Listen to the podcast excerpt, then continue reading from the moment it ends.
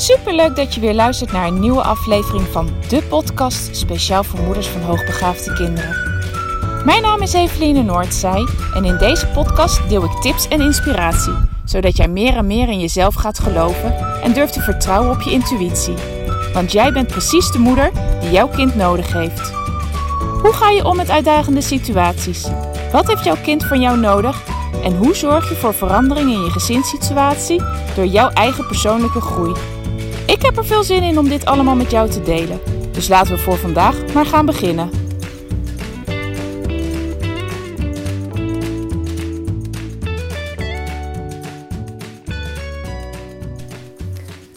Ha, lieve luisteraars, goedemorgen. Een nieuwe dag, weer een nieuwe podcast. Leuk dat je er weer bij bent en dat je de moeite neemt om te luisteren.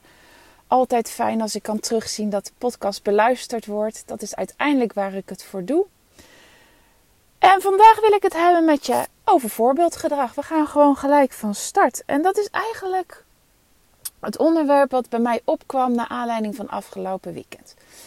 Sinds een aantal weken, ik denk een week of drie, vier geleden, kocht mijn, uh, mijn man bij de kringloop een nieuw schaakbord. En we hebben er gewoon één boven in de kast bij de spelletjes staan. Maar dit was zo'n schaakbord wat mooi is. Dat kan je leuk op tafel zetten. Uh, hè, dus geen storend iets als je het beneden laat staan.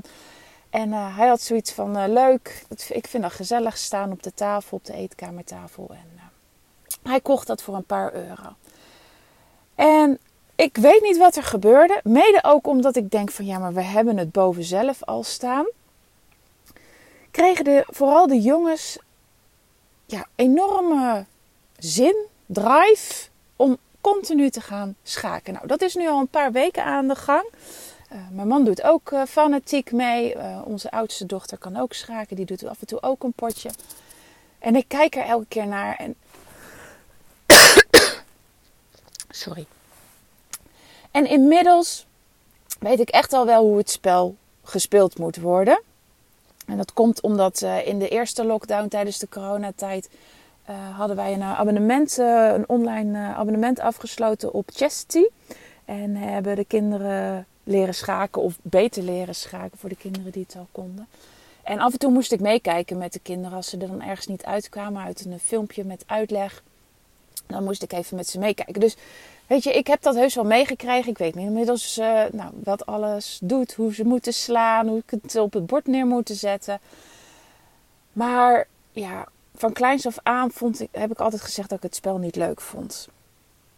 Mijn ouders, uh, ik denk mijn vader of mijn opa heeft me vroeger ook wel geprobeerd te leren schaken. En ik, nou ja, ik kon het niet en ik had het geduld er niet voor. Dus nu elke keer als de jongens dan vroegen aan mij van... Ja mama, kom je met ons een potje schaken? Dat ik zei, nee, vind ik niet leuk om te doen. Ja, ik kan inmiddels niet meer zeggen dat ik niet meer weet hoe het moet. Want dan weten zij ook donders goed dat ik dat wel geleerd heb. Ook in die periode toen uh, we online aan het oefenen waren. Maar ik ga altijd, ja, ik vind dat niet zo leuk. Ik doe liever andere spelletjes. Totdat ik van de week dacht, ja maar weet je, Eveline, wie zit jij nou eigenlijk voor de gek te houden? Dan ben je, je, je houdt jezelf voor de gek. Want het is helemaal niet zo dat je het spel niet leuk vindt. Je vindt het gewoon enorm moeilijk. Um, ik kan het gewoon nog niet goed overzien. Ik wil het dan ook gelijk in één keer, nou ja, bijna heel goed doen. In ieder geval dat de jongens me niet uh, enorm uh, afmaken en binnen vijf minuten mijn schaakmat hebben staan. En maar ik kan, ik kan nog de stappen niet overzien. En dat vind ik zo knap uh, van de kinderen. Die kunnen al behoorlijk inschatten van... nou ja, als ik nou deze set doe... dan heb je kans dat mama deze set doet. Dan kan ik weer dat. En, ja, en ik heb die vaardigheid helemaal nog niet. Dus nou ja, eigenlijk onder het mom van... ik vind het spelletje niet leuk... was ik gewoon aan het duiken. Ik wilde gewoon niet de stappen nemen om moeite te doen om iets nieuws te leren. En terwijl ik wel elke keer tegen mezelf tegen de jongens hoor zeggen, als, ze dan, als het dan niet lukt, of als, ze boos worden als ze verloren hebben, van ja, weet je, maar het is ook gewoon een heel moeilijk spel. Je hoeft dat nog niet in één keer te kunnen. Of je vader speelt het al langer, het is logisch dat hij van je kan winnen. En toen dacht ik, maar dit is wel echt heel hypocriet, want ze vragen elke keer of ik mee wil spelen. Ze verwachten van mij ook niet dat ik het in één keer goed kan. Net zoals ik dat ik dat ook niet van hen verwacht. Maar ik wil het gewoon niet, omdat ik mezelf niet goed genoeg vind. Dus afgelopen weekend dacht ik, ja, ik ga het gewoon aan. Want eigenlijk lijkt het me een heel leuk spel. Als iets, als ik, iets is wat ik leuk vind, zijn tactische spelletjes. Ik hou van, van dat je inzicht moet hebben, dat je overzicht moet hebben en dat je moet analyseren. Dus eigenlijk past schaken enorm goed bij mij. Dus ik uh, heb de stoute schoenen aangetrokken. Ik ben uh, gaan schaken. En niet omdat het belangrijk is, maar uiteindelijk viel het enorm mee. En werd ik helemaal, zoals ik dat altijd noem, in de pan gehakt uh, door de jongens. Maar kon ik ze ook nog best wel weerstand bieden, tegenstand bieden. Um, en, ik, en ik begin het gewoon steeds en steeds en steeds leuker te vinden om te spelen. En waar zij in eerste instantie hadden zo van, nou ja, oké mama, kom maar op. Want dan uh, hebben, we een makkie. Hebben ze nu ook zoiets van, oké, nou, zo'n makkie is mama ook weer niet. Waar ik alleen zelf nog moeite mee heb, is om het dan ook echt daadwerkelijk af te maken. Als ik er dan goed voor sta, dan, nou ja, je hoeft maar één zet gezet te worden. Die, waar je net niet even helemaal goed hebt gekeken. En dan, uh, ja, dan sta ik nog schaak of weer schaakmat. En nou ja, hebben ze me alsnog te pakken. Uh, maar dan, nu hoor ik ook wel van de kinderen elke keer terug. Ja, maar mama, je doet het pas net. Je, je moet het nog leren. laat ons het nou leren. Laat het ons nou vertellen. Nou, dat vind ik dus wel heel, heel erg mooi. Maar dit als, even als inleiding waar ik naartoe wil in deze podcast vandaag is ja, het voorbeeldgedrag. Dus aan de ene kant, het, het gedrag wat ik liet zien, is dat het, het vermijdende gedrag. Van nou, ik ga dit niet aan. En ik probeerde het dan nog wel te verpakken, zodat de, zodat de kinderen niet aan mij merkten dat ik er eigenlijk onderuit probeerde te komen, omdat ik dacht dat ik het niet zou kunnen. Dus door te zeggen dat ik iets niet leuk vond. Maar dat, ja, dat was natuurlijk gewoon niet zo. En dat voorbeeldgedrag, als ik iets wil van, van de kinderen, in dit geval dat ze iets proberen en doorzetten, ja, waarom zou ik het dan zelf niet het goede, goede voorbeeld moeten geven of kunnen geven? En doordat ik natuurlijk elke keer zeg, ja, maar weet je, je mag gewoon leren, je mag je fouten maken, het is helemaal niet erg, dat pikken ze wel op. Dus ze pikken ook heel erg op hoe ik naar hen doe.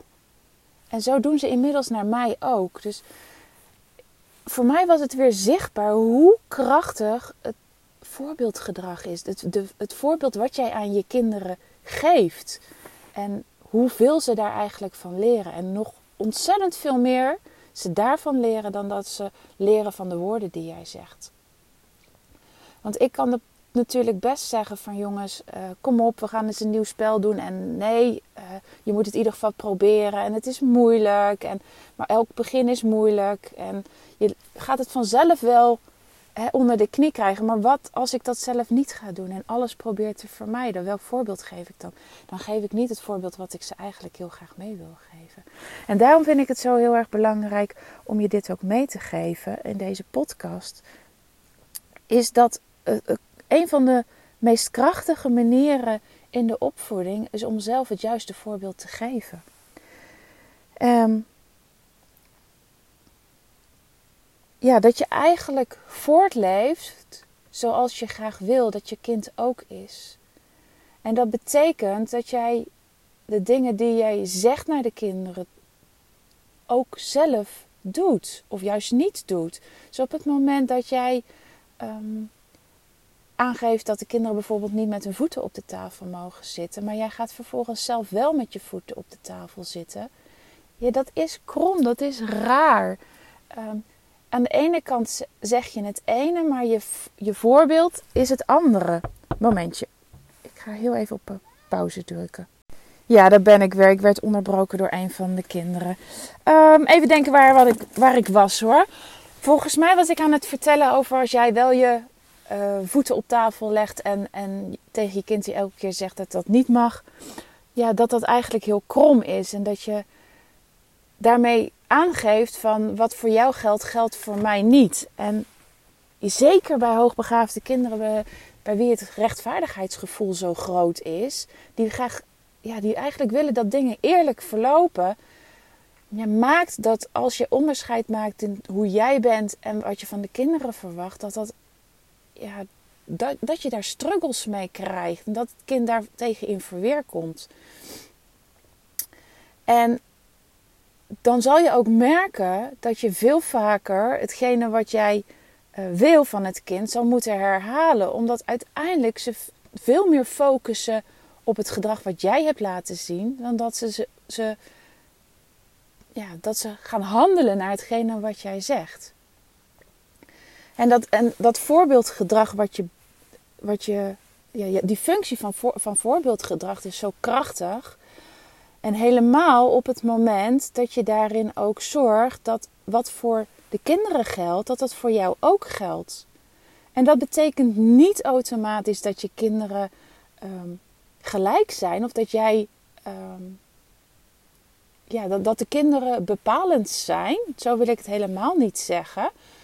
Maar wel dat je zorgt dat, dat dingen ja, zo eerlijk mogelijk zijn voor je kind. En dan, dan is het ook te behappen. En dan zal je merken dat je kind veel meer zal doen wat je, van het, wat je ook van ze vraagt. Dus daarin is het, het gedrag wat je zelf laat zien een heel erg duidelijk voorbeeld voor, voor wat jouw kinderen gaan volgen.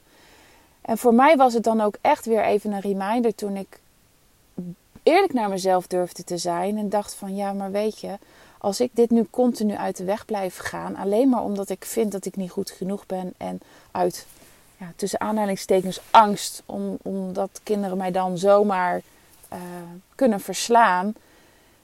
Ja, wat, wat geef ik ze dan terug? En dat, dat is niet wat ik ze terug wil geven. Um, en, en uiteindelijk wat ik ook terug op mijn bordjes zal krijgen op het moment dat ik wel iets van, van ze zelf vraag. Van joh, probeer eens door te zetten, want al het begin is moeilijk. Ja, dan is het gewoon wachten totdat ze zeggen: Ja, mama, maar uh, jij doet dit of dit ook niet. Want ook dat vind jij lastig. Want dat weten ze wel. Weet je, ze weten heus wel. Ze voelen feilloos aan dat, dat als ik zeg van ja, ik vind dat spelletje niet zo leuk, dat ik daar eigenlijk gewoon zeg omdat ik het moeilijk vind. Je, dat, uh, dat, weet ik gewoon, dat ze me daar goed genoeg voor kennen. Dus nou ja, de kracht dus van voorbeeldgedrag. Hoe krachtig dat is. En hoe makkelijk je dat eigenlijk in kan zetten. Ook om bepaalde gedragingen bij je kind te beïnvloeden. Gedrag dat je niet graag wil zien. Ga eens voor jezelf na in hoeverre je dat zelf wel laat zien. Nou, ik hoop dat je hier weer mee verder eh, kan. Ik ga voor nu afsluiten. Ik wens je een fijne dag. Ik spreek je morgen weer. Groetjes. Doei doei.